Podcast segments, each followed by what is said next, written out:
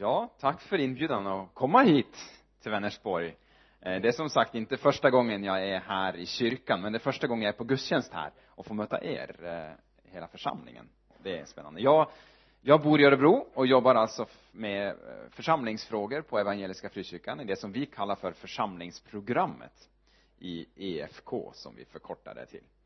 Och Evangeliska Frikyrkan, vi är ju 300 församlingar cirka, med någonstans mellan 33 och 34 000 medlemmar runt om i, i Sverige. Eh, och jag ska berätta mer om det i eftermiddag klockan halv fyra, eller hur? Så då eh, kommer det mer om det. Jag, eh, eh jag är från Norge från början. Jag ser att det är många här som har annan bakgrund än, eh, än den svenska, eller hur? Ja. Och jag är själv, eh, har flyttat till, till Sverige och bott här i 19 år gift mig med en eh, svenska. Dalkulla. Så. Och vi har tre barn tillsammans som eh, är sådär mellan 8 och 13 år. Så eh, jag lever ett spännande liv. Ja, jag tänkte stanna upp vid, eh, jag jobbar ju med församlingsfrågor och, och mötte igår eh, hundra församlingsledare tillsammans med mina kollegor där vi jobbar med hur är vi församling i Sverige idag och hur når vi ut med evangeliet, med Guds rike. Och EFK håller just nu på och tar fram en, eh, en slags uppdragsbeskrivning till oss som jobbar med Sverigemissionen och med den internationella missionen. Vad ska vi göra för någonting? Vad ska vara vårt uppdrag? Vad tycker ni som församlingar att vi ska göra? Och eh, en eh, del av det är att vi säger, eller det som man ska jobba med, en, en formulering så här, att vi vill att vi ska verka för att bli en dynamisk, missionell rörelse som utbreder Guds rike. Det låter väl bra? Det vill vi vara. Missionell, alltså en rörelse av församlingar som är präglade av Guds mission och passionen för att Guds rike ska komma i hela sin fullhet. I hela vårt land och över hela vår värld. Och jag tänkte idag stanna upp vid just det här begreppet Guds rike. Ett nyckelbegrepp i bibeln. Guds rike. Och i synnerhet i Markus och Matteus och Lukas evangelium så förekommer det här. Det vill säga i Matteus så används begreppet himmelriket. Och i Markus och eh, Lukas så används begreppet Guds rike. Men himmelriket och Guds rike, det är de flesta överens om att det är samma innehåll de pratar om. Det är bara två olika begrepp så. Vad är Guds rike? Innan jag gör det och ska utifrån en hel del bibelsammanhang eh, jobba med det, så tänkte jag att vi skulle, eh, skulle bara läsa en liten dikt. För, för när vi lyssnar till Guds ord som är det allra viktigaste och främsta vi gör som Guds församling, lyssnar till Guds ord. Eh, och där får, får eh, hela vår världsbild liksom eh, ställt i ordning. Så bör vi också lyssna till vad sker runt omkring oss i vår, i vår eh, samtid. Så att vi kan höra var, var, var befinner sig människor idag? Och jag tänkte läsa den dikt som norska melodifestivalen, det här är ju, låter ju hemskt att prata om i kyrkan kanske, men jag tycker det var lite intressant. I fjol så vann en, en norsk okänd sångare som bara ställde sig där och sjöng en väldigt enkel liten dikt. Och det här är en, en kille som jobbar som dörrvakt och glasmästare. Och man ser liksom hans tatueringar så här när man har kavlat upp sin, sin jeansskjorta. Och så sjunger han med en han ser ut som en lite elefant så här stark. Inte som jag utan riktigt sådär biffig stark. Eh, och så sjunger han med en ljus röst nästan som en kanin. Kaninröst. Jag vet inte jag har inte hört så många kaniner i och för sig men men eh, så här, så sjunger han en dikt som går så här och det är på engelska jag försöker att översätta. Head to toes flesh and bones should feel whole but the void a silent storm. Alltså från huvudet till, till, till tårna eh, genom hela mig så jag skulle känna mig hel men det finns en tomhet inom mig en tyst storm. I'm here to use my heart and my hands. Somehow the bruises changed my plans. Jag var här för att använda mitt hjärta och mina händer men på något sätt så, så eh, ja, nu får du ledigt, tolken, precis. Ja, eh, på något sätt så, så förändrade mina sår mina planer. And there's a silent storm inside me looking for a home. Det finns en tyst storm inom mig som letar efter ett hem. I hope that someone's gonna find me and say that I belong. Jag hoppas att någon ska hitta mig och säga till mig att jag tillhör. I'll wait forever and a lifetime to find I'm not alone. There's a silent storm inside me. Someday I'll be calm. Jag kan vänta en evighet och, och längre eh, för att finna att jag inte är ensam.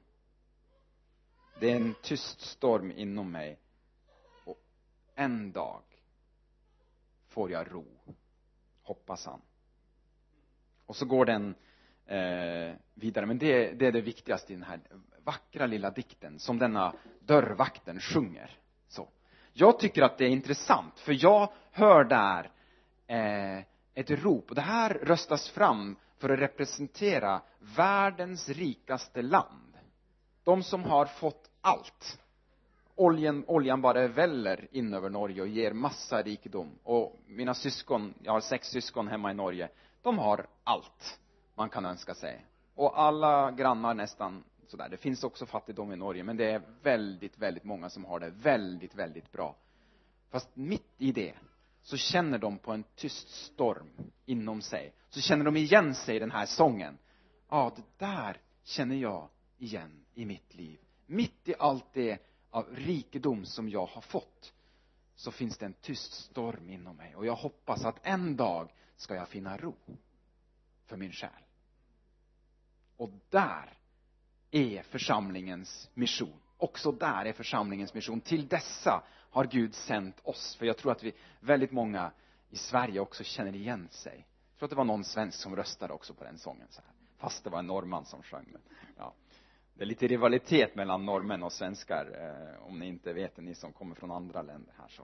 Men vi är goda vänner. Tycker jag i alla fall. Okej.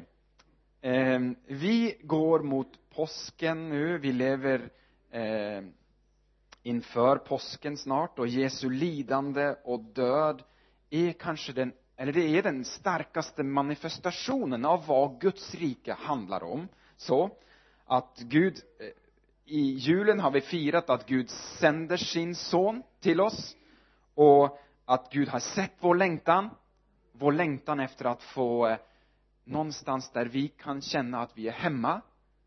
Men den är mycket bredare än så, den här längtan också. Jag ska komma tillbaka till det. Och Guds rike, det är det som Jesus ropar ut själv och som Johannes säger i, eh, i Markus kapitel 1, som är första bibelstället jag tänkte stanna vid, som är en slags portalen för predikan då. Johannes förlåt, när Johannes hade blivit fängslad kom Jesus till Galileen och förkunnade Guds budskap. Och det var Jesus som sa, tiden är inne. Tiden är inne. Nu! Nu gäller det. Guds rike är nära, säger han. Han börjar hela, eh, hela sin tjänst, Jesus, med att säga detta. Guds rike är nära, omvänd er och tro på budskapet, tro på evangeliet. så Guds rike då? Vad är det som utgör Guds rike? Vad, vad är ett rike för någonting? Vad är det som måste finnas för att det ska bli ett rike? Jag har fem grejer som jag tänkte ta idag och utgå ifrån. För att man ska liksom etablera ett slags tänk om vad ett rike är och vad Guds rike är framför allt, naturligtvis. Det är det det handlar om. Och det första som jag vill stanna upp vid, det är att för att det ska finnas ett rike måste det finnas en kung. Är ni med på det? en kung det syns tydligt genom hela gamla testamentet och in i nya testamentet att eh, Gud hyllas som kung. Så. Det syns tydligt i hur Gud är direkt eh, skeptisk när folket vill ha en kung som alla andra folk. Och vi kan gå till Samuels första Samuels bok, det är gamla testamentet då. Och det här är ungefär 40 år före Kristus eller någonting sånt där. 1050 vi är i första samhällsboken, kapitel 8 och där begär folket en kung. Och då blir det liksom lite vad händer nu? Så.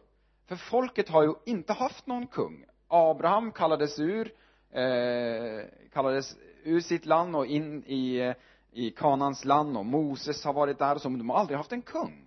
Men nu säger folket så här eh, då samlades, vers 4 i kapitel 8 i första Samuelsboken.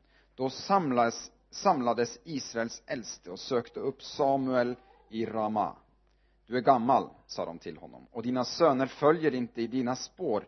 Ge oss en kung som kan styra och döma oss. Det har ju alla andra folk känner ni igen argumentationen ja men så gör ju alla andra så, så brukar mina barn säga ibland jag vet inte om ni har barn som har sagt det eller ni har sagt det när ni var barn eller ja mm. Ge oss en kung som kan styra och döma oss. Det har ju alla andra folk. Samuel ogillade att de ville få en kung över sig. Han bad till Herren och Herren svarade, låt folket få sin vilja fram det är inte dig de förkastar utan mig de vill inte att jag ska vara deras kung. Hänger ni med? Detta är människans uppror och det har sett likadan ut i alla tider. Människan vill, in, vill eh, inte ha Gud till kung. Men Guds rikes första grej är att det finns en kung och det är Herren själv så det är lite spännande det här hur, hur, eh, hur Gud ändå säger, okej, okay, vill de, ja men så låt dem få det. Och så förklarar han vidare så här, eh, ända sedan den dag då jag förde dem ut ur Egypten har de ständigt vänt sig bort från mig och tjänat andra gudar. Nu handlar de på samma sätt mot dig. Gör dem till viljes, men varna dem först. Låt dem veta vilka rättigheter deras kung kommer att få. Samuel framförde Herrens ord till dem som begärde en kung. Dessa rättigheter, sa han, tillkommer den kung som ska härska över er. Era söner tar han ut till sina stridsvagnar och hästar, eller till att springa före hans vagn. Han kommenderar somliga att föra befäl över tusen man eller femtio. Några måste plöja hans jordar och bärga hans skördar, andra blir hans vapensmeder och vagnmakare. Era döttrar sätter han att blanda salvor åt honom, laga hans mat eller baka hans bröd. Han lägger beslag på era bästa åkrar, vingårdar och olivlundar och ger dem åt sina ämbetsmän. Han kräver tionde av er gröda och era vinskördar för att ge till sina hovmän och ämbetsmän. Han tar ut ert tjänstefolk och era bästa oxar och åsnar till att arbeta åt honom och han kräver tionde av era fårjordar. Själva blir ni hans slavar. När detta händer kommer ni att ropa till Herren och be att få slippa den kung ni har valt åt er, men då ska han inte svara er. Folket vägrade dock att lyssna till Samuel. Nej, ropade, vi vill ha en kung så att vi blir som alla andra folk, en kung som skipar rätt åt oss, som går i spetsen för oss och utkämpar våra strider. När Samuel hörde vad folket hade att säga framförde han det till Herren och Herren svarade, gör dem till viljes, låt dem få en kung. Då sa Samuel till israeliterna att gå hem, var och en till sin stad. Lägg märke till att de, det är ju det här som till, egentligen tillfaller Gud. Att, som, som folket vill ge till en kung istället. Tionde, det känner vi igen som begrepp, det tillhör ju Herren. Så. Men nu kommer ni att få betala det till kungen ni ska ju vara Herrens tjänare nu kommer det att bli slavar under en kung så och så säger, eh, säger till slut där så att vi blir som alla andra folk, en kung som skipar rätt åt oss. Men det är ju det Gud ska göra. Skipa rätt åt sitt folk. Det är ju Guds uppgift. Det är ju Guds, det är vad Gud har sagt att han vill göra. Och så vill folket utse sig en egen kung. Som går i spetsen för oss. Vad var det Gud gjorde när han förde folket ut ur, ut ur Egypten? Han gick ju i spetsen för dem. Så. Men de vill ha en annan. Det är en jättesorglig text. En av de mest sorgliga kapitlerna i hela bibeln. Det är andra Samuelsbok, nej för, förlåt, första Samuelsbok kapitel 8, tycker jag. Så. Som går i spetsen för oss, som utkämpar våra strider.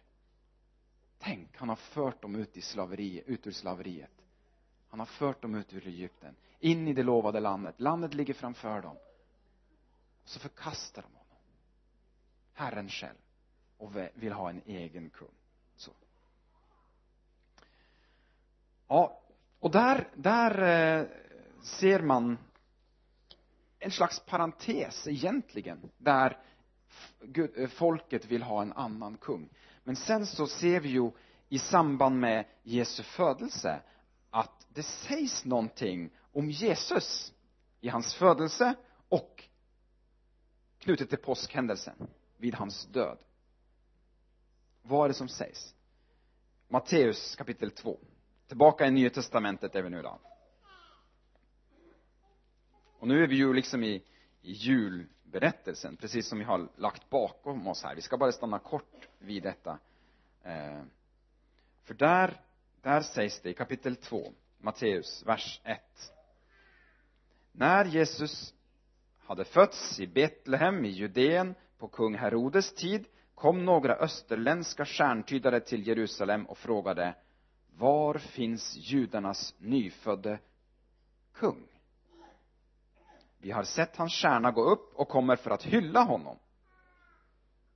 Här ser vi hur Jesus benämns som judarnas kung. Oj, här är en kung igen för judarna. De har inte haft en kung sen, sen eh, 587 år tidigare eller någonting sådär. Hänger ni med? Och nu kommer, och Herodes, han blir ju inte glad, för han känner sig hotad. För han är ju kung i den här delen av romarriket. Och undrar, kommer det en som vill ifrågasätta mig, eller, eller ta kampen upp mot mig och, och bli folkets kung? Och i samband med, med Johannes, eh, Johannes sätt att berätta om, om eh, Jesu död så ser vi detta igen. Jag älskar de här linjerna i Bibeln och kunde se eh, Guds rike genom, genom hela Bibeln.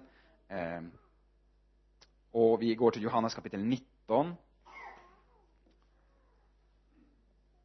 Och då är det, då är det Jesus inför Pilatus. Jag ska inte stanna upp lika länge vid alla fem punkterna. Det här är den viktigaste, det är därför jag gör det lite rejält så här, okej? Okay? Annars får vi sitta här till ikväll. Eh. Johannes 19, 13. När Pilatus hörde de orden lät han föra ut Jesus och satte sig på domartribunen i den så kallade stengården på hebreiska Gabata. Det var på förberedelsedagen före påsken vid sjätte timmen och Pilatus sa till judarna, vad sa han? Här ser ni er kung, säger han om Jesus. Tillbaka till samma som Herodes grejen också i början så. Här ser ni er kung. Då ropade de, bort med honom, korsfäst honom. Pilatus frågade, ska jag korsfästa er kung? Han vet inte att han talar profetisk här, Pilatus, tror jag. Så. Ska jag korsfästa er kung? Översteprästerna svarade, vi har ingen annan kung än kejsaren. Detta är att översteprästerna säger detta är häpnadsväckande. Så. För det står helt emot vad hela gamla testamentet, som de ska leda ur, egentligen säger. Fast de har inte sett det med sina ögon. Och de, de säger ju, borde ju egentligen säga, vi har ingen annan kung än Gud, borde de ju säga. Men de säger, vi har ingen annan kung än kejsaren. Så.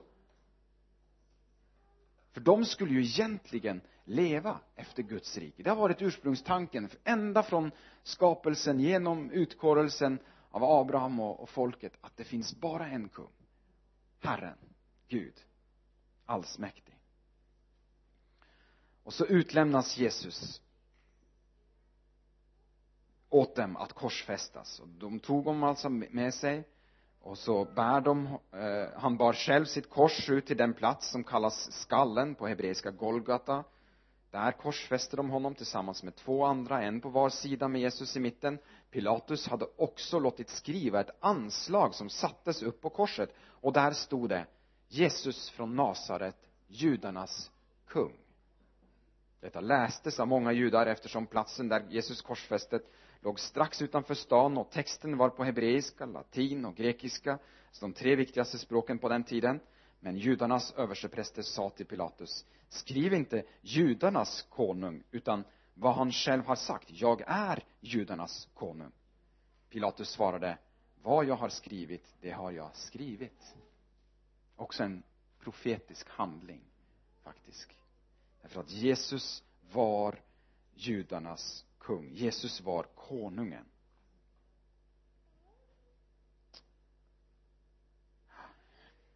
Det här är ett enormt provokativt uttryck på den tiden, både för Herodes i födelsen, men egentligen också för hela det romerska systemet så, därför att det finns bara en eh, kung och det är kejsaren på den tiden i deras tanke. Och det kanske var därför det var ett sätt att rättfärdiga för Pilatus att han faktiskt korsfäste Jesus att han gick med på det. Det var att skriva judarnas kung för då kunde han visa till kejsaren det här är en som har gjort anspråk på att ta din roll. Så. Ehm, men det är också idag en väldigt provokativ handling att proklamera Jesus Kristus som kung och Gud som kung. Därför att det betyder i vår tid att vet du vem som inte är kung då? Över livet? Jag för det tror jag är den stora grejen idag. Det är, det är inte jag som är kung. Som hela vår kultur idag försöker att säga till oss i Sverige du är din egen kung, ingen ska bestämma över dig så. Du ska inte lyda under någon annan än dig själv. Det är bara att lyssna till dig själv och ditt inre så. Du är din egen kung. Men de, de goda nyheterna är att du är inte överlämnad till dig själv det finns en god och barmhärtig skapare och frälsare som har räddat dig till gemenskap med honom och som vill vara din kung och vill bjuda in dig i sitt rike. Det är de goda nyheterna. Och vi tror att det är dåliga nyheter att vi inte får vara vår egen kung men det är de bästa nyheterna som finns. Därför att du tillhör då din egen skapare den som har räddat dig till gemenskap med sig själv du är hans. Du behöver inte stå där själv. Du är, behöver inte vara kung i ditt liv. Du kan abdikera och låta den som har all makt i himmel och på jord få ta tronens plats i ditt liv och vara herre och kung. Det är Guds rikes första och viktigaste sats. Det finns en kung och det är Gud. Och vi kan ibland låtsas som att världen inte är på det sättet men bibelns vittnesbörd är att detta är sanningen om universum att det finns en kung och det är Herren Gud.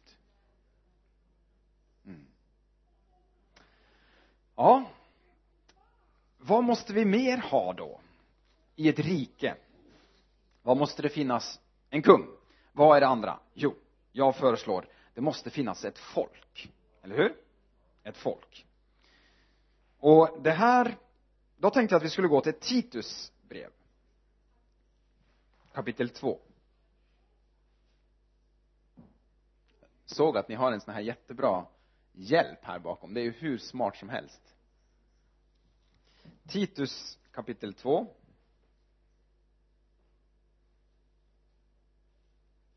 ibland går det surr för oss, oss pastorer också. Vi behöver titta på den här, när de egentligen kommer fast vi borde kunna det. Ehm, kapitel 2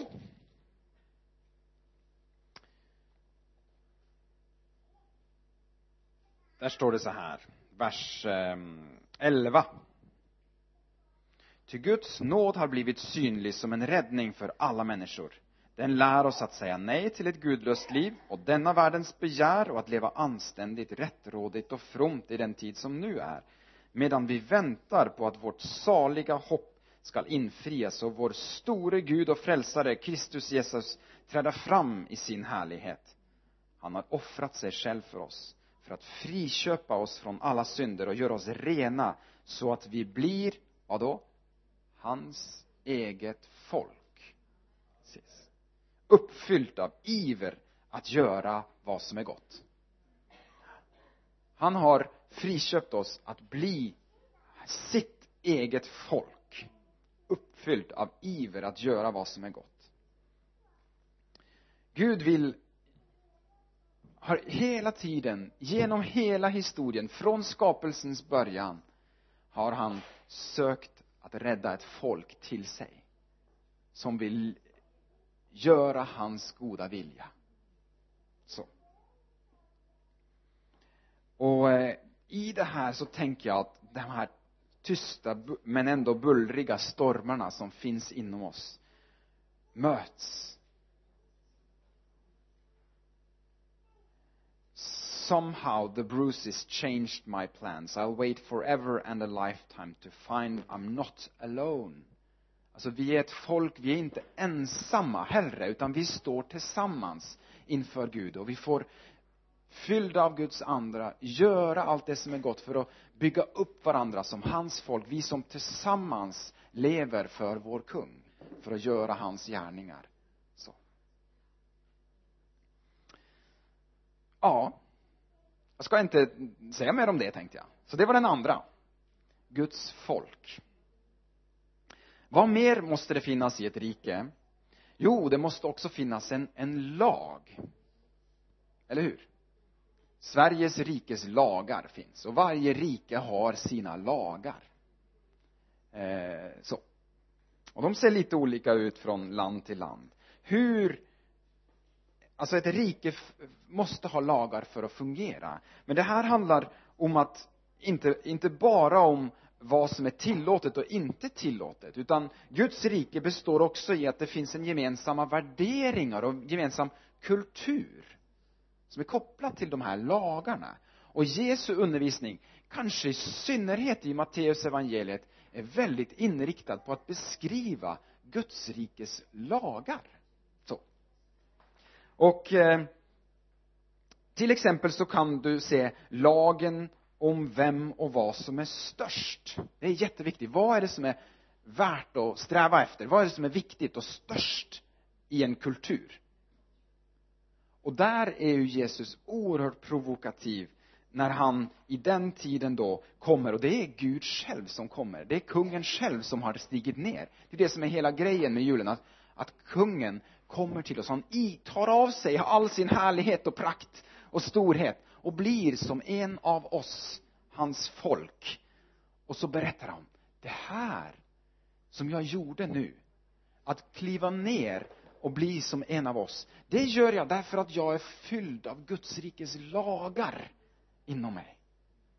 Och i Guds rike så är inte detta konstigt att, att den som är störst kliver ner och blir en tjänare och tvättar lärjungarnas fötter. Det är jättekonstigt i den kulturen. Och det är jättekonstigt egentligen i vår kultur också. När en som är liksom högt uppsatt tar på sig diskjobbet liksom. Eller vad det är vi anser skulle vara det enklaste. Så. Jag vet inte vad, vad ni gnäller om hemma är, är den enklaste sysslan eller så. Lukas kapitel 22. Eh, Lukas har också mycket undervisning om detta. Eh, eller, ja, jag tar det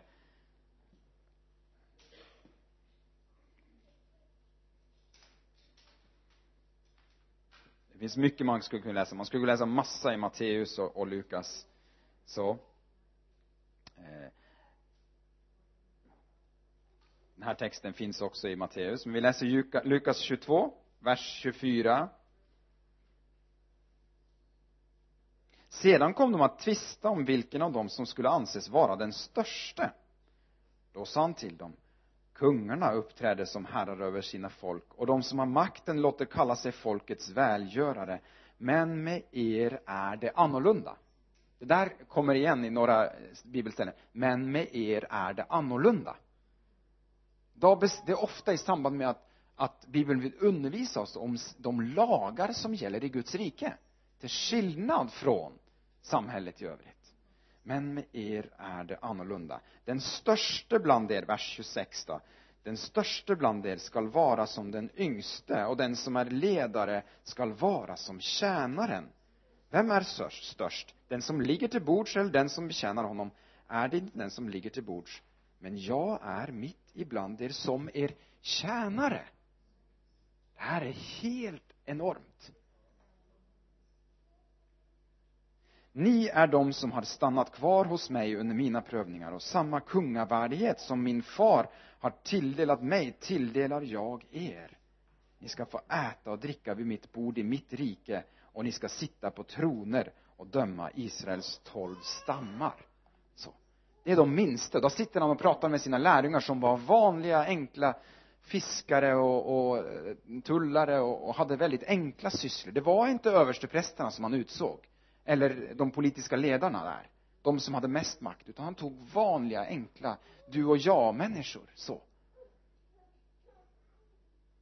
Och så säger han det här till dem. Ni ska få äta och dricka vid mitt bord i mitt rike och ni ska få sitta på troner och döma Israels tolv stammar. Ni ska få kungavärdighet. Wow. Därför att det är Guds rike, det är ett upp och ner rike och så lyfter Jesus vid ett annat ställe fram barnen som de största. Eh, så vi känner igen berättelsen och, och, vi ska inte slå upp texterna så. Det, det det är Guds rikes lagar. Och så läser vi om kärleken i första Korinthierbrevet kapitel 13 vi, vi behöver inte slå upp den utan jag kan läsa den för er. Kärleken som tålmodig och god inte stridslysten inte skrytsam inte uppblåst inte utmanande, inte självisk, den brusar inte upp, den vill inget, ingen något ont, den finner inte glädjen i orätten men gläds med sanningen, allt bär den, allt tror den, allt hoppas den, allt uthärdar den. Första Korinthierbrev 13 var det, vers 4 till 7. Eh, och det också säger någonting om vilka lagar som råder i Guds rike. Så. Mm. Och så står det också något väldigt, väldigt viktigt i kapitel 8 i Hebreerbrevet.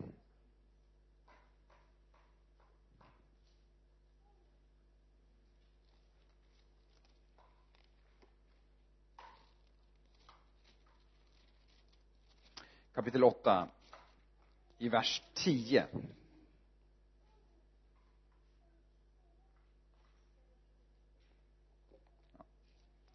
Detta är det förbund jag ska sluta med Israels hus i kommande dagar, säger Herren. Jag ska lägga mina lagar i deras sinnen och inrista dem i deras hjärtan. Jag skall vara deras Gud och det ska vara mitt folk. Det här är ju hämtat ifrån, eh, ifrån gamla testamentet, citerat ifrån gamla testamentet. Och det är precis den här terminologin, de här orden, så jag ska vara deras Gud, de ska vara mitt folk. Och det känner vi igen ifrån Guds rikes tankarna och jag ska lägga mina lagar i deras sinnen. Och det är ju den heliga andes verk i oss. Att lägga Guds lagar i våra sinnen. Vi fylls av den heliga ande och andens frukt är ju just att vi lever efter Guds lagar, efter Guds rikes lagar. Mm. Och en av våra stora utmaningar i vår tid, det är att urskilja vad som är Guds rikes lagar och inte, tror jag. Och här behöver vi verkligen studera Guds ord och be om att Gud uppfyller oss med sin ande så att vi blir, eh, får detta sinnelag som präglade Jesus. Okej, okay, så vi sa en kung, ett folk, lagar och för det fjärde då, det måste också finnas ett, ett välde. Ett herravälde. Det tror jag också är ett viktig beståndsdel. Att kungen också har makt och regerar. Så. och ett välde. Och detta är det Jesus, Jesu liv så tydligt vill illustrera, eller vill visa oss. Så, att Gud har makt. Vad, vad visar han? Jo, Gud, Jesus har makt över sjukdom. Han ser han kan hela de sjuka. Det är Guds rike, så, så, så eh, när Guds rike bryter fram så ser vi att sjukdomen måste vika. Gud har makt över onda andar. Ser vi också i Jesu liv hur han driver ut onda andar. Ondskans makt måste ge vika därför att det finns ett starkare herravälde än ondskans. Och Gud har makt att förlåta synd. Så ser vi också i Jesu liv och så. Jag tar inte bibelställen för allt detta, men när man läser evangelierna så ser man detta tydligt på flera ställen, hur Jesus har makt att förlåta synd. Och sen för det fjärde har också Jesus makt över naturkrafterna. Han, han är ute på, och det stormar ute på havet så här.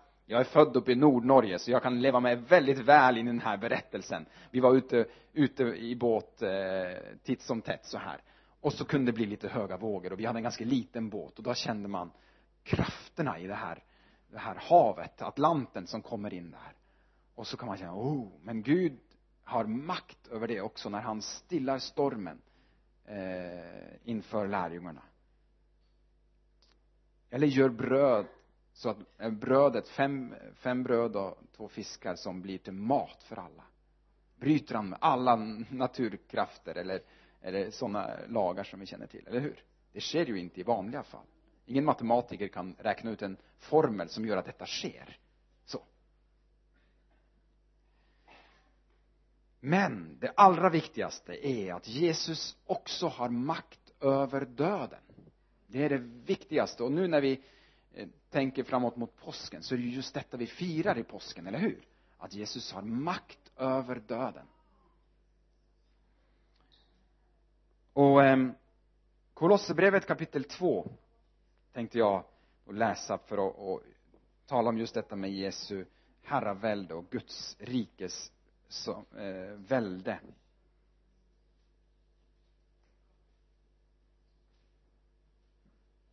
Kolosserbrevet kapitel 2.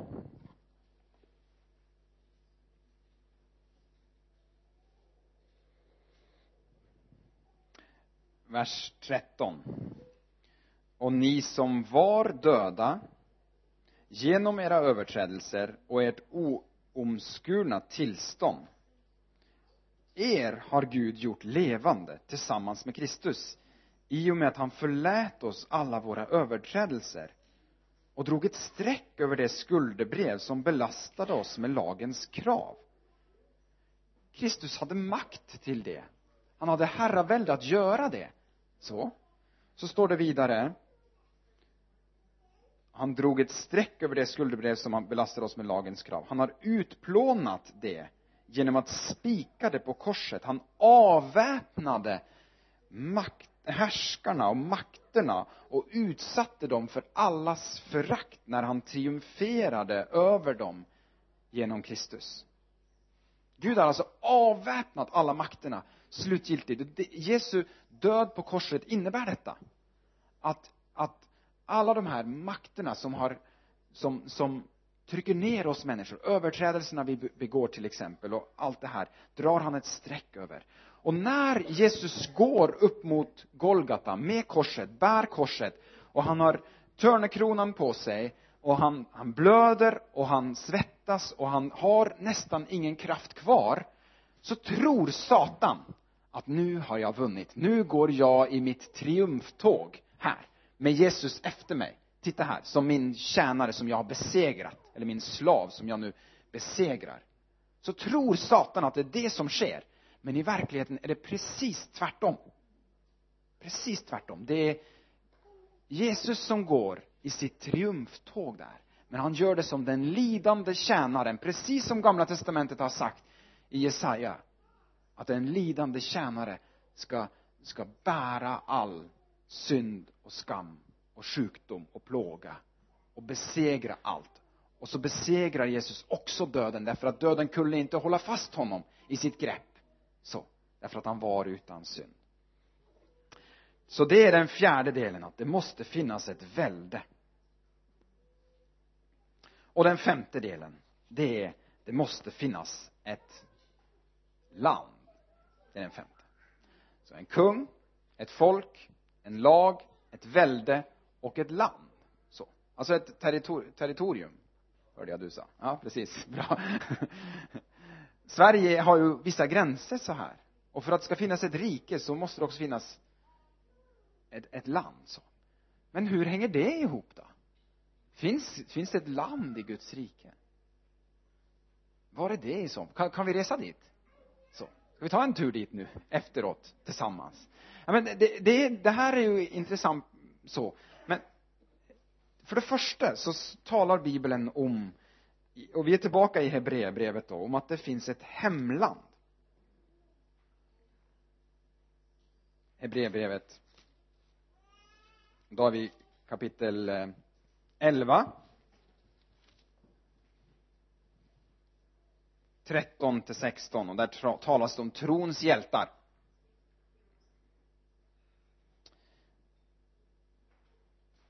Precis talat om Abraham och Isak och Jakob och så här i tro dog alla dessa utan att ha fått vad de hade blivit lovade. De hade bara sett det i fjärran och hälsat det och bekänt sig vara gäster och främlingar på jorden. Det som talar så visar att de söker ett hemland. Om de hade tänkt på det land som de lämnat Abraham, Isak och Jakob då eh, om de hade tänkt på det land som de lämnat kunde de ha återvänt dit men nu längtade de till ett bättre land ett i himlen. Och därför skäms inte Gud för dem utan de får kalla honom sin Gud. Han har ju grundat en stad åt dem.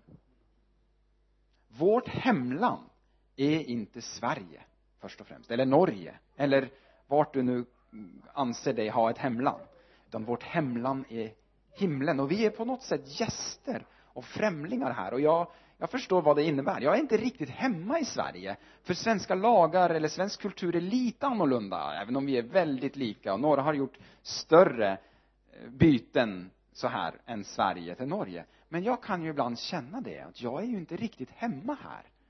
Och så kan vi känna som kristna också att vi är inte i allt hemma här på jorden så. Vi har ett hemland som väntar så.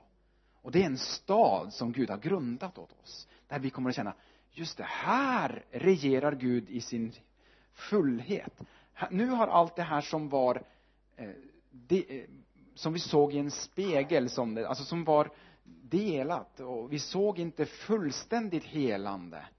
Vi såg inte alltid att det blev eh, blev så att, att eh, att människor blev friska när vi bad eller att demonerna lämnar oss. Men där kommer det att vara så i sin fullhet. För där är Guds rike i sin fullhet. Och Gud regerar som kung i sin fullhet så.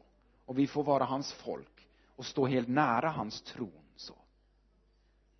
Det är en del av det här. Men det finns också det här att att Guds rike är nära också att vi har ett land nu. Jag tänker att när du blev en kristen så blev det så att att Guds rike flyttade också hem till dig på något sätt. Alltså det blev liksom det blev så att Gud fick lite land där de här kvadratmeterna som du bor på. Eller när det planteras en, en församling i Mongoliet så som EFK har varit med och etablerat en församling där så på något sätt så etableras det ett territorium där där Guds rike är. Det är nära, det är här. Gud får regera. Det är som en liten enklav, ja visst, så det finns massa land, fiendeland omkring så, eller land som inte är intaget omkring men det är Guds rike där. Så. Och när vi står i mission och var missionella församlingar så handlar det om att få se mer land i Guds rike. Familj, hus, hem, städer påverkas av denna goda kung som vi tjänar och ger våra liv till. Det är väl en en fantastisk vision, eller hur det här tänker jag är, är det det som församling handlar om? Mission ska förstås utifrån detta Guds rikes att få se Guds rike komma. Att Gud får bli kung. Vi, fler får inlämnas i hans folk och få känna att här här är ett ställe där jag får tillhöra. I belong som han sjöng om den här Karl Espen. Det är bara i Norge man kan heta Karl Espen. Så eh. mm till slut var det så här. Några vill bara ha lite av detta. Några kan tänka sig eh, ett folk och ett land och, och, och goda värderingar och en god kultur liksom. Men har svårt för detta med med Gud som kung. De vill ha en eh, Gud bara som en mysfarbror som man kan vända sig till och få lite råd och, och så här och sen göra som man vill. Så att man får bevara sin ega, egen kunga, kungatron. Några vill ha mycket men inte det. Att Gud är kung. Andra vill ha mycket annat men inte att Guds välde. Vill inte se Guds kraft i funktion där Gud faktiskt får bryta ondskans maktbalans eller makt, maktsfär så eller vill inte ha lagen? Alltså de här goda det här, vill inte lyda kärlekens väg? Vill inte tänka att den, den största är den som tjänar andra? Så. Och det här som handlar om Guds rikes lagar. Så. Eller vill inte tänka folk? Det är väldigt vanligt i Sverige idag. Det är något av det sorgligaste jag ser. Att man inte vill ha det här folket. Alltså att vi är tillsammans. Utan man vill, tänker att man kan vara en del av det här själv. Så vilket inte är vad bibeln undervisar. Men man tänker att man, jag kan ta fyra av fem så. Men inte det här med folk. Att vi är tillsammans, att vi hör tillsammans, att vi behöver varandra så. Men jag tror på Guds rike i hela dess fullhet. Jag tror att det är vad jag behöver. Därför går jag till gudstjänst söndag efter söndag efter söndag så. För att jag behöver allt detta. Och påminnas om detta regelbundet när jag möts för att påminna mig om att jag tillhör Guds rike. Det här gäller andra lagar. Det här gäller det att Gud är kung. Mm. och att hans välde finns. Så påminns vi om det så att vi går in i en vardag där vi lever i detta.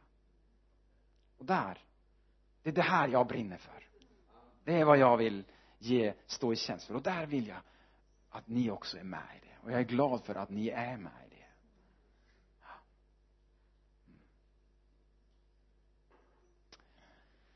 Herre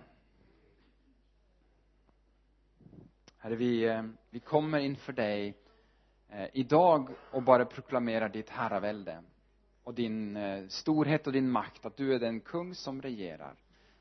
Herre, vi lovar och ära dig för att du är en kung som regerar, inte genom att bara utöva makt för att få människor att lyda och bli blinda tjänare, utan du vill öppna våra ögon. Du vill, eh, du vill föra ut godhet och kärlek och rättvisa och rättfärdighet. Och det är bara du som känner vad kärlek och rättvisa och rättfärdighet är. Gud. Och vi ber, låt ditt rike komma. Låt din vilja ske. Far. Tack för alla människor som får upptäcka detta idag. Som kommer till tro i Sverige idag. Därför att de får se att det finns ett hemland också för mig. Det finns ett ställe där jag kan få ro. Det finns ett ställe där jag får möta en som kan ta alla mina bördor, alla mina tillkortakommanden, all min synd, all min skam, all min oro och bära det på sig och spika det fast på korset så att jag kan få gå fri och få uppleva läkedom, få uppleva hälsa, få uppleva frid, få uppleva rättfärdighet, få uppleva eh, att födas på nytt in i detta rike och bli medborgare av ditt rike. Herre, jag ber att det ska få ske. Ännu mer här i Vänersborg. Här i den här delen av Sverige. Utöver vårt land, utöver vår värld. Låt få stå i tjänst för dig, Gud, när du utbreder ditt rike.